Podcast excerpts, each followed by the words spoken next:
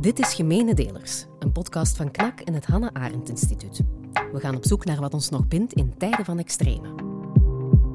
Stel eens dat de mensheid totaal zou verdwijnen van deze aardbodem. Ik noem het een les in nederigheid.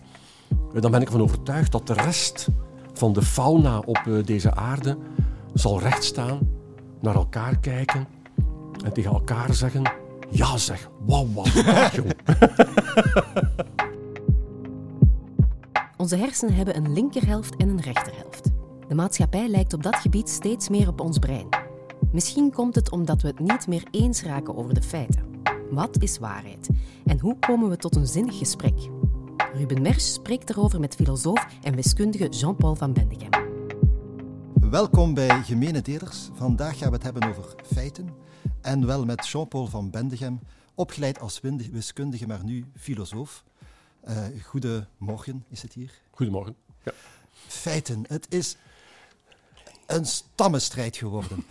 het gaat continu Zodra er ergens een, maatschappelijk probleem is, lijkt iedereen zijn eigen feiten te claimen en is iedereen ervan overtuigd dat hij gelijk heeft en de anderen natuurlijk mhm. fout zitten. Uh, ja, hoe, hoe, komt dat? We kunnen misschien bij het begin beginnen. Wat is een feit? en die vraag stel je nu uitgerekend aan een filosoof. Als er nu één problematisch concept is binnen de filosofie, uh, dan is het zeker uh, wat we zouden kunnen verstaan onder een feit omdat, ja, bedoel, zien, wij, zien wij feiten in de wereld? Er staat hier voor mij een koffiekop. Zie ik het feit dat er hier een koffiekop staat? Nee, ik zie een koffiekop staan. Dus uh, voordat, je, voordat je het weet ga je praten over wij maken feiten. Uh, het zijn constructies. En voordat je het weet zit je op een postmoderne golf mee te surfen. En Waarbij iedereen recht heeft op zijn eigen voilà. feiten. Maar voor mij is het cruciale dat datgene wat wij als een feit bestempelen, uh, dat ofwel wij er mogen van uitgaan dat dit gedeeld is uh, met anderen. Dus met andere woorden, uh, als ik zou vragen aan jou bijvoorbeeld, mijn jas ligt daar, zou je die even willen halen?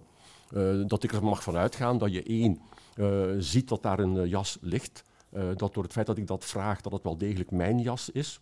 En dat je daar naartoe gaat, die haalt en mij brengt. We hoeven niet per se te zeggen dat je nu het feit hebt aanvaard dat daar een jas ligt. Maar uit hetgeen dat je hebt gedaan, mag ik dat er wel uit besluiten. Dus met andere woorden, uh, voor mij het cruciale gegeven aan feiten is dat we een gemeenschappelijke toetsingsgrond hebben. Ja. Uh, dat is voor mij cruciaal. Of de hetzelfde dan... geldt als we dan opgaan qua moeilijkheid. Misschien iets moeilijker. Staat hier een kop koffie? Ja. Uh, dan kan ik zeggen van, goh, ik weet het niet helemaal zeker. Misschien is het alleen, want ik, ik kan hem niet vastpakken, want ik zit te ver. Uh, misschien is het alleen een 3D-afbeelding van iets wat heel hard op een kop lijkt. Maar we kunnen ervan uitgaan, als ik dan mag controleren, ik heb een toetsingsgrond, ik kan voilà. die tot, uh, kop pakken, dan heb je geen koffie meer, dat is dan wel jammer. Maar ik kan wel verifiëren dat het inderdaad een kop koffie is. Dat gebeurt vaker in de wetenschap. Het onderzoek van een object heeft vaak de neiging om het object te doen uiteenvallen. Maar natuurlijk, het wordt al snel veel ingewikkelder als we het dan hebben, ik ga een, uh, dadelijk een, een, al een hele moeilijke zetten. Uh, um, zijn Vlamingen racistisch? Bijvoorbeeld, ja. En dat is niet zo makkelijk te verifiëren. Nee, nee, nee. En uh, dat is een punt dat ik al een aantal jaren maak. Als men spreekt over een bepaalde groep, zoals je nu in jouw voorbeeld Vlamingen, en zodra daar het bepaalde lidwoord bij komt, zijn de Vlamingen racistisch, dan neem ik al meteen afstand. Want uh, door het gebruik van dat bepaald lidwoord geef je aan dat er met de uitdrukking de Vlamingen, dat daar een heel wel bepaalde en unieke groep zou mee corresponderen, anders gebruik je dat bepaald lidwoord niet. Uh, en dat is doorgaans uh, fout. Ik bedoel, wat was een van die mooie uitspraken van de cabaretier Wim Kan? Nu, hoort je duidelijk dat hier een oudere man zit natuurlijk. de oudejaarsconferences van Wim Kan die onder andere zei dat hij altijd met groot genoegen s morgens de krant opensloeg om eh, te zien wat hij nu weer wou. Omdat daar te lezen stond, het volk wil dat. En hij is een, een, lid van het volk, dus uh, las, kon hij nu in de krant lezen, oh, dat wil ik. Dan zie je hoe snel dat compleet fout uh, kan lopen. Dat gezegd zijnde, en ik heb het gevoel dat we nog op dat punt zullen uitkomen in dit gesprek, Zodra je dat nu gaat uh, omschrijven als een populatie, rekening houdt met een grote verscheidenheid in die populatie, dan kan je nog altijd wel natuurlijk de bewering uitspreken Uh, er zijn duidelijk racistische tendensen aanwezig uh, in de bevolkingsgroep die wij met Vlamingen aanduiden. En meer bepaald bij die groep, waarmee dan meteen wordt opengelaten dat er andere groepen kunnen zijn die dat helemaal niet zijn, die daartegen het strijden trekken enzovoorts. Dat is niet per se dat je daarom een nuancering introduceert. Integendeel zou ik zeggen, je introduceert een scherpere beschrijving.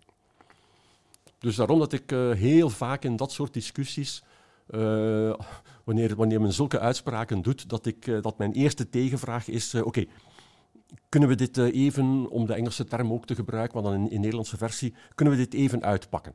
Ik bedoel, het lijkt een heel eenvoudige bewering. We praten over een object, de Vlamingen.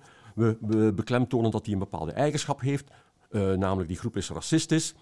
nee, dit, dit, dit moeten we uitpakken. Ja. Maar is dat niet moeilijk in die zin dat wij mensen enorm de neiging hebben om in, in hokjes te denken, waarin we variatie eigenlijk in ons denken minder toestaan, omdat dat een enorme extra uh, complexe laag van complexiteit introduceert. En is dat niet op zijn minst al een stukje van de reden waarom we vaak zo gepolariseerd zijn, waarom we elkaar uh, vaak zo elkaar niet vinden en andere feiten geloven in andere feiten, omdat we eigenlijk allemaal een te simplistisch beeld hebben van hoe de werkelijkheid eruit ziet? Daar ben ik, ik zou bijna durven zeggen, helaas diep van overtuigd. helaas, omdat we dus ook altijd zullen moeten rekening houden met die simplistische voorstellingen van zaken. Met dus al, alle consequenties die dat met zich meebrengt. dat men gaat oordelen uitspreken over, over individuen op basis van een kenmerk dat aan een groep wordt toegekend. en, en daardoor een hoop misverstanden worden gecreëerd. En het grote probleem dat het effectief, zoals je aangeeft, het ook meer tijd zal vragen om dat te proberen aangestekens te corrigeren, op zijn minst aan te vullen. Om te zeggen van nee, nee, nee, oh, kom, kom aan, laat ons nu toch een rijker uh, beeld uh, tekenen dan uh, wat je nu zegt. Maar ja, ik betrap er ook mijzelf op. Ja, ja kun je wel anders? Want uiteindelijk een, een wil je de wereld begrijpen, moet je op een of andere manier de wereld in hokjes onderverdelen. Hey, zonder hokjes geen kennis. Maar het probleem ontstaat als je denkt dat binnen een hokje alles hetzelfde is, als je de variatie daarin niet meer ziet. Ja, ja, ja, ja, ja. Nee, nee, volledig akkoord. Ik, uh, ik. Maar je, moet wel, je blijft wel vasthangen aan hokjes. Je kunt niet zonder. Je kunt ze genuanceerder maken, beter maken, maar... Ja, ik uh, ben zelf uh, iemand die graag uh, neologismen introduceert, tot nu toe zonder enig succes. De dingen die ik al heb voorgesteld, ze willen niet pakken, hè, verschrikkelijk zeg. Ik hou enorm van die labels zoals homo ludens, de spelende mens, homo faber. En ik heb er naar gezocht en ik ben daar nu over aan het schrijven. ik zou een nieuwe homo willen introduceren en dit sluit hier perfect bij aan, de homo classificans. De, de klasserende homo. Ja, de klasserende homo. Want dat is inderdaad de veelheid van indrukken die op ons afkomen dagdagelijks. Daar moet je een of andere vorm van reductie op toepassen. En klassificeren, onderbrengen in verschillende onderscheiden delen, is een van de meest succesvolle methodes denkbaar.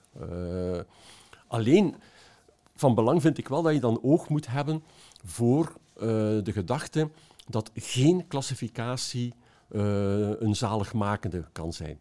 Ik bedoel, elke bibliotheek heeft op het einde een rubriek varia of uh, maar dat dan gewoon een rommelhoek. Hè? Dat wat niet in een hokje past. Ja, ja. wat dus weer een hokje is. Ja, namelijk het hokje van datgene wat niet in een hokje past. Precies, hè, dat, uh, dan staan we nog maar twee millimeter verwijderd van de Borges. Uh, ja, die, dan krijg je dat soort gedachten. En ook natuurlijk de schoonheid dat als je nu zegt, uh, nu zit ik hier met een restant uh, aan boeken die ik niet kwijt kan in mijn klassificatie. Ik ga mijn klassificatie aanpassen. Het enige wat je dan gaat uh, hebben, is dat er nu andere boeken in de varia zitten. Maar wat mij opvalt in, debatten, in, in, debatten over maatschappelijk geladen thema, dat, dat hokjes ook heel vaak een, um, een, een, causale rol toegedeeld krijgen. Ik, uh, ik geef een voorbeeld. Je kunt de, zeggen van kijk, uh, allochtonen zijn, plegen zoveel procent meer misdaden dan um, autochtonen. Ik zou ook een ander hokje kunnen gebruiken. Dan zou je van kijk, arme mensen plegen zoveel procent meer misdaden dan Uh, en, en, op zich zijn, kunnen al die beschrijvingen waar zijn, ik heb het u niet geverifieerd. maar wat er gebeurt in het hoofd van mensen, volgens mij, is dan denken van, ah, dat is omdat ze allochtoon zijn. En dat kan heel vaak tot misverstanden leiden, want de ene groep, groep zegt van, ah nee, dat is omdat ze uh, uh, zwart zijn. De andere groep zegt van, nee, dat is omdat ze arm zijn. En dat, je krijgt daar een, door dat hokjesdenken, doordat er een causale rol uh, aan toegekend wordt, krijg je een, een, een, een, meerdere versies van de werkelijkheid die allebei misschien waar zijn, maar elkaar wel tegenspreken. Ja, uh, en daar ligt voor mij een uh, heel belangrijk onderscheid tussen een feit dat gegeven kan zijn en de interpretatie mm -hmm. van feiten. Maar is dat ook een, een van de motoren van de polarisatie die we momenteel zien? Dat eigenlijk alle mensen, dat mensen verschillende interpretaties hebben van, van de feiten? Ja, en dan is de belangrijkste opdracht, uh, en, en, dat is iets uh, dat ik al zo vaak heb proberen uitleggen, zeker aan mijn studenten door, doorheen uh, mijn loopbaan, ook in lezingen. Het is niet omdat je twee interpretaties gepresenteerd krijgt die elkaar tegenspreken, dat er toch niet een vertaalslag mogelijk is door te gaan zoeken. Oké, jij gebruikt nu die term en die gebruik jij ook, maar dekt de betekenis. Wil, praten jullie eigenlijk wel over, over hetzelfde? Want misschien kan het zijn dat als jij nu dat bedoelt met uh, die term, dat jij daar eerder dat onder verstaat. En dan houdt dat op uh, eigenlijk een tegenstelling te zijn, want jij praat nu eigenlijk daarover, terwijl dat jij daarover spreekt. Uh, niet dat dat altijd zal lukken. Ik denk dat er effectief interpretaties zijn waar ja, het zodanig botst. Ik bedoel, hoe overtuigt je nu iemand dat de platte aarde-theorie niet zo'n interessante theorie is. Dan kom je er niet met een andere interpretatie van. Nee, uh, nee. en een vertaalslag maken, nee. Maar toch, um, op zijn minst een gedeelte van onze problemen, van onze stammenstrijd, zouden we kunnen hmm. oplossen door continu te vragen: en wat bedoel je daar nu precies mee? Klopt dat? Is dat, dat een, klopt. Uh, voor, voor, mij is dat zo. Ik bedoel, en, en, en, heel vaak uh, ervaar ik toch, kan het al voldoende zijn om op iets te wijzen. De, de aandacht trekken op. Als ik nu zeg, uh, oké, okay, uh, als iemand tegen mij zegt, uh, ja, ik ga voor de wetenschap, resoluut. Wat de wetenschap mij zegt, dat is oké, okay, daar ga ik voor, prima. Dan zeg ik van, ja, maar waarom blijft je dan spreken van een zonsopgang? Want dat klopt dan wel niet, hè? Nee. Die zon komt niet op, hè? Je moet zeggen een, een, een aardedraai. Hoezo? Wat, wat is er dan mis mee? Ik zeg, ja, als je zegt een zonsopgang, praat je vanuit een geocentrisch wereldbeeld. Dus soms maar, dat alleen dat wijzen op kan al veel doen. Ja, maar is dat niet enorm vermoeiend om altijd op zoek te gaan naar de achterliggende veronderstellingen van, van, van, jou, uh, van jouw overtuigingen? Ik heb een aantal uh, levensmotto's en met ouder worden uh, verzamelen we wel zo een paar. Ik ben ook manifeste een homo ludens klassificans en ludens.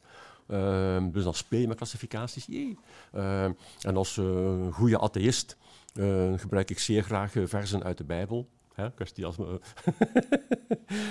de Calvinist in mij is nooit echt uh, doodgegaan. maar dan de humoristische kant van het Calvinisme. een van mijn levensmotto's staat in het boek Prediker in het Oude Testament, hoofdstuk 1, vers 8. Iedereen mag blijven zitten nu. de dingen zijn onuitsprekelijk vermoeiend. Dat staat daar. Dat is toch mooi? Ja. En dat is zo. Het is enorm vermoeiend. Ik heb twintig jaar in SCEP meegedraaid, meer dan twintig jaar. De volgende generatie mag het nu overnemen. Uh, na twintig jaar discussiëren met uh, parapsychologen, astrologen, homeopaten. Oh, mens. Zitten we dan niet met het probleem dat um, mensen hun visie als de werkelijkheid uh, zien, maar eigenlijk niet meer in staat zijn om te beseffen dat er meerdere visies mogelijk zijn? Dat is uh, de eerste, denk ik, de eerste en de moeilijkste oefening. En ik heb in die zin, denk ik, uh, achteraf bekeken, niet op het moment zelf, want dat was behoorlijk uh, verwarrend, maar opgevoed zijnde in een gezin waar twee levensbeschouwingen aanwezig waren. Langs vaderskant gereformeerd protestant, langs moederskant diep rooms-katholiek. Dat is eigenlijk wel, achter, als ik het achteraf evalueer, is dat een zegen geweest. Omdat je de spanningen zag tussen die twee. En om het plaatje te vervolledigen, mijn vader als goede Calvinist, uh, dat is heel typisch, uh, enorm streng voor elkaar. Hè. Het is ook uh, gereformeerd voor iets. En als zij dan vroeg, de school waar ik naartoe ging, waren uiteraard stadsscholen en rijksscholen, want ja, katholiek onderwijs, nee. Dan vroeg hij welke dominee geeft daar protestantse godsdienst. En dan hoorde hij, die dominee? Nee, nee, nee, nee, nee, nee. Dat zal niet gebeuren. Volg maar zedeleer. Dus op school kreeg ik nog eens een derde, uh, een derde levensbeschouwing bij. dus ik ben daar achteraf bekeken, ben ik daar heel, erg dankbaar voor. om, om die confrontaties gezien te hebben. Het is ook enorm verwarrend natuurlijk. Maar ik ben van mijn geloof afgeraakt, uitgerekend door een dominee. die zelf in volle geloofscrisis zat. En die, zoals mijn geheugen het mij nu voorhoudt, in vier opeenvolgende zondagen vier preken heeft gehouden, waar hij het leven van Jezus compleet uh, heeft overlopen. En alles wat miraculeus was, een andere verklaring heeft gegeven, gaande van symbolisch, wetenschappelijk enzovoorts. Dus veranderen van water en wijn, dat is Jezus die zegt, kijk, ik zal je eens, eens laten zien waartoe ik in staat ben. Ik laat water aanrukken, ik zal zeggen dat het wijn is. Niemand durft mij tegenspreken. Eigenlijk een vorm van conformisme uh, ja. volle letter. Ja, ja, ja. ja. En in tegendeel, een van de, van de genodigden zegt, wat voor een bruiloft is dit waar men, waar men de beste wijn voor het einde bewaart.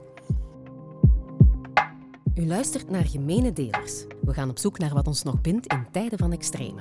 Geïnteresseerd in de hele reeks? Abonneer je dan in je favoriete podcast-app de voorbeelden, uh, omdat je het daar, daarnet hebt aangehaald, hè, met de allochtonen, uh, hogere criminaliteitscijfers. Uh, er is een correlatie, wat dus ook een kausaal verband wordt. Het is omdat zij allochtoon zijn. Ja, voorbeelden om aan te tonen dat een correlatie, dus cijfers die met elkaar gekoppeld lijken te zijn, dat je niet zomaar de overgang mag maken naar dus moet er ook een proces werkzaam zijn dat die twee aan elkaar koppelt. Dus van, van correlatie naar uh, causaliteit. Wel, daar hebben we nu gelukkig een aantal prachtige voorbeelden van. Hè. Dat, dat uh, het aantal films uh, waar Nicolas Cage in meespeelt en het aantal mensen die verdrinken in een zwembad, dat, dat, dat die cijfers gecorreleerd zijn. ja, Weet je wat ook een zeer leuke is? De hoeveelheid biovoeding die gekocht wordt en het aantal autisme-diagnoses. is een perfecte correlatie. Dat, uh... het, is, het, is, moeilijk, want alles wat met waarschijnlijkheid te maken heeft of met statistiek blijft zeer contra-intuïtief voor veel mensen. En is dat misschien toch al een stukje van de verklaring van onze polarisatie? Dat net omdat de werkelijkheid zo divers is en complex, ze wel moeten vatten in eenvoudige hokjes, in eenvoudige verhalen vaak, narratieven, en dat we gewoon uh, beide kampen een eigen simpele versie van de werkelijkheid maken? die eigenlijk misschien wel met elkaar in overeenstemming brengen is, maar net omdat ze allebei naar de andere kant versimpelen, dat niet meer gebeurt? Uh, ik vrees dat, ja. En, en uh, het lijken bijna uh, stabiele evenwichtspunten te zijn, in die zin dat één keer als je in die positie terechtkomt, om nog iemand daaruit weg te krijgen, ehm, dat dat ongelooflijk moeilijk wordt. Dat is ook de reden dat ik vaak bij een, een lopende discussie of een lopend debat en men vraagt mij om daaraan deel te nemen, meestal via een opiniestuk of een column, dat ik de eerste afweging die ik maak bij mezelf is, is dit debat de moeite? Ik bedoel, zijn de stellingen al dermate scherp gedefinieerd dat je niet meer kunt een derde positie innemen of een nuance introduceren? Het is alsof dat je die twee attractoren hebt, wat je ook zegt of doet, je wordt naar één van die twee punten toegezogen. Uh, zodra je iets zou zeggen in het voordeel van de ene, reageert meteen de andere van, ah, je bent dus een van die. Van, nee, dat ben ik niet, ik sta op een andere positie. En dan moet ik toegeven, dat, dat zijn dan de debatten uh, waaraan ik, waar, waarvan ik zeg, kijk, daar uh, doe ik niet aan mee. soms ook met de, de opmerking, het is te vroeg. Mm -hmm. Het debat moet nog grijpen. Ja, ja, dan moet je ook tijd geven. Je moet zeker de afweging maken. Wat je, wat je niet kan zeggen is, oh, dat interesseert mij niet. Kijk, dat, dat is het, nee, dat is niet... Maar als je zegt, uh, dit debat is dermate vastgelopen in een stellingenoorlog, enfin, dat is ook mijn oordeel nu over de Verenigde Staten, kunnen ze alstublieft nu eindelijk eens die burgeroorlog afmaken. dat we terug kunnen voortdoen. maar maar hoe komt het dat, dat zo vaak twee kampen worden? Het is natuurlijk, het is een, uh, op het eerste gezicht is het een aantrekkelijke gedachte dat iedereen zou denken zoals ik. Dat vereenvoudigt de wereld uh, dramatisch. Want ja, bedoel, ik neem ook aan, uh, ik zit natuurlijk ook met een aantal gedachtegangen uh, waarvan de sporen ondertussen voor mij dermate uitgeslepen zijn dat ik het evident vind om in die sporen te lopen. En wanneer dan iemand komt aandraven met een, met een opvatting, een idee, whatever, die daar radicaal, wat, wat er radicaal van afwijkt, dan is de eerste impuls om te zeggen, wat voor onzin is dit zeg. Uh, maar dan nog, uh, in principe, niet dat ik het altijd kan opbrengen, zoals gezegd, maar uh, in principe is dan toch wel de tweede opdracht, oké, maar sorry hoor, leg het nu eens uit, wat beweert je nu precies? En, en, en, en, dan kunnen daar argumenten uit gedistilleerd worden die mij doen realiseren, oeps, nu heb ik al zoveel jaren gedacht, oké, dit dit, dit op zijn minst is een uitgemaakte zaak. Daar moeten we het niet meer over hebben. Dit is klaar, helder en duidelijk. En dat nu toch iemand tegen mij zegt, ja maar, en heb je rekening gehouden met dat? Ik heb dat het scherpste meegemaakt, dat is echt gebeurd hoor. Dat, uh, ik gaf voor uh, Elkerik uh, een, een, reeks van drie, vier lezingen over de wetenschapsfilosofie in de 20e eeuw. Historisch overzicht. En ik had een vast publiekje van een twintigtal mensen uh, vragen enzovoorts. De laatste avond, ik, uh, ik, ik, rond af en daar zat een wat oudere man, een, een echte Antwerpenaar. Uh, duidelijk niet, geen universitaire scholing gehad enzovoorts, maar enorm geïnteresseerd. Hè, dat, is, dat gaat perfect samen, geen enkel probleem. En die stak de hand op wat hij tot dan toe nog niet had gedaan. Nu had hij een vraag. Zeg, ah, oké, ja, ik zeg, ja, zegt u maar. en wat hij zei was het volgende. Wat ik naar Geire van A zou willen weten. Die wetenschappers, lustert dan naar haar? en ik zal nu heel eerlijk zijn. Mijn eerste wat in mijn hoofd opkwam, was om te antwoorden... Vriend, ik ga het nu maar zeggen zoals het in mijn kop zat. Hè. bedoel, uh, niet verbloemen. Wat ik dacht te antwoorden was... Vriend, dat kan mij eigenlijk geen kloot schelen. De hele treinrit van Antwerpen naar Gent terug heb ik zitten praktiseren. Waarom kwam dat nu als eerste in mijn hoofd?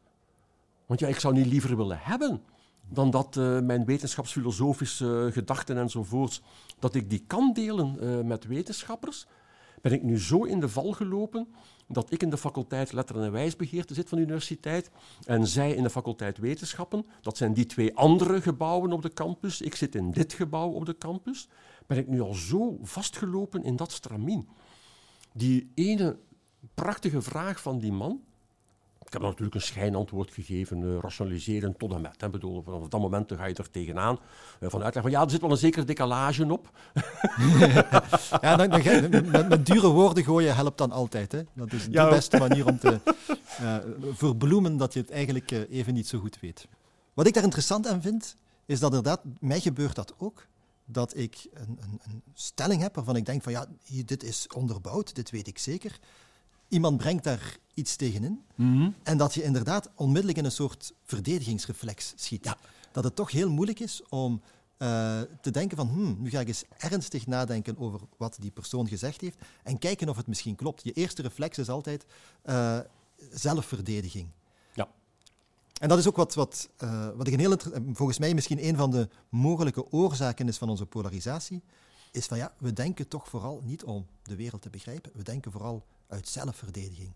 Wel ja, we weten uiteraard vanuit de cognitieve psychologie dat de, de, uh, de confirmation bias, uh, dat we liever uh, informatie krijgen die bevestigt wat we al denken en geloven en weten enzovoort.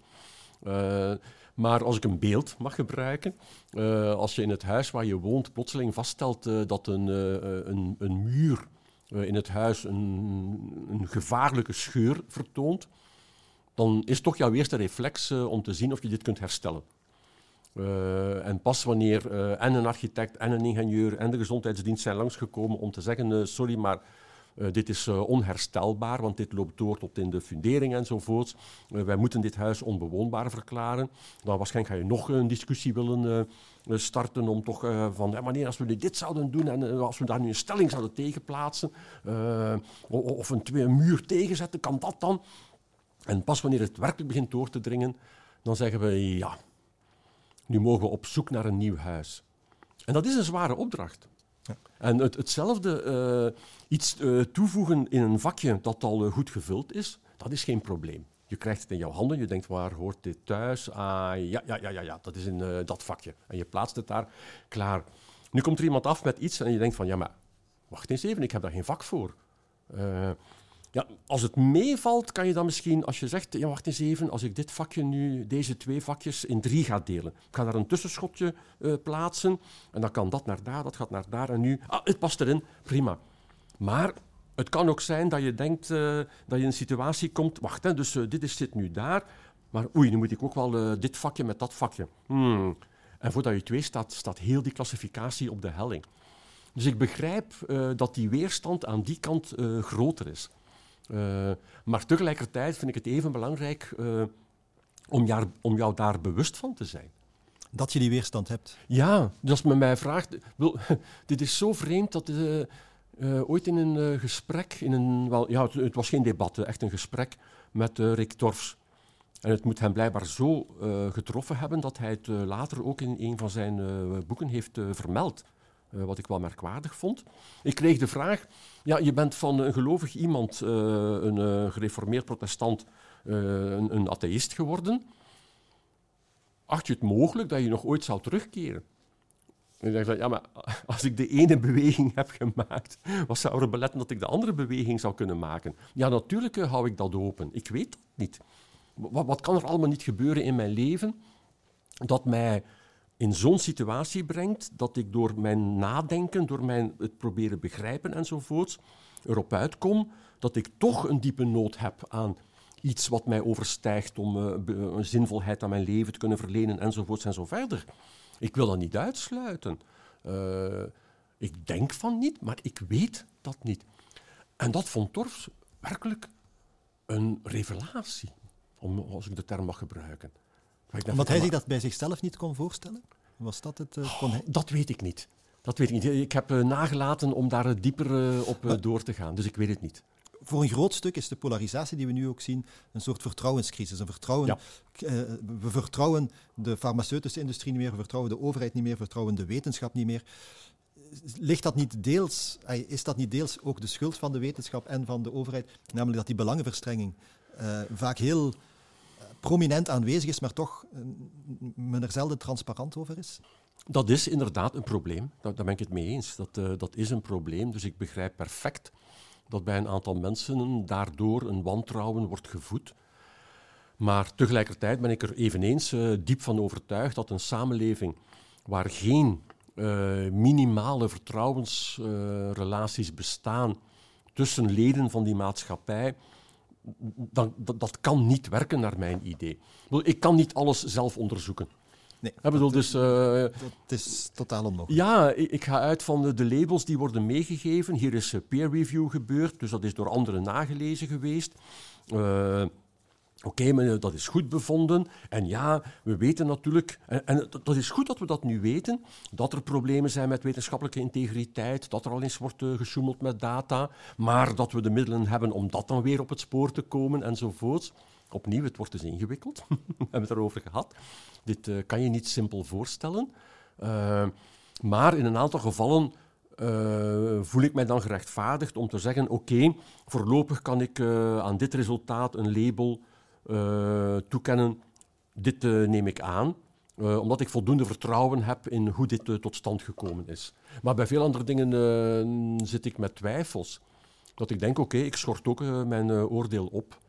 Is dat niet iets wat we zouden moeten leren, ons oordeel opschorten? Er, er, lijkt soms een druk te zijn vanuit de samenleving om overal een mening over ja. te hebben. Meningen zijn, waar we vroeger een miletjas droegen als statussymbool, hebben we nu meningen. Ja, uh, dat is een uh, mooie anekdote die ik dan altijd uh, aanhaal in dit verband. het wordt aan verschillende mensen toegeschreven. Dus waarschijnlijk is het zo'n typisch ap apocrief verhaal. de versie die ik heb de eerste keer gezien was met Ho Chi Minh, die van een Britse journalist op een bepaald moment in, in het gesprek de vraag kreeg: En wat denkt u eigenlijk over de Franse Revolutie?